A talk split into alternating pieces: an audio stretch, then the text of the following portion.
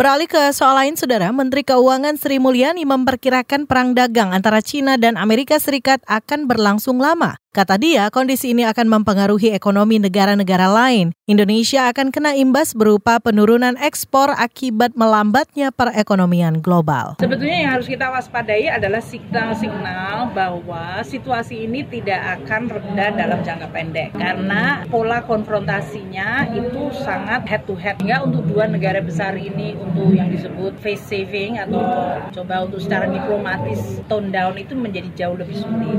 Dan artinya ketegangan ini akan mewarnai panjang. Saudara sebelumnya Amerika Serikat menaikkan tarif produk impor Cina menjadi 25 persen dari sebelumnya 10 persen. Pemerintah Cina menyatakan bakal membalasnya. Perang dagang antara dua negara besar ini telah berlangsung sejak tahun lalu.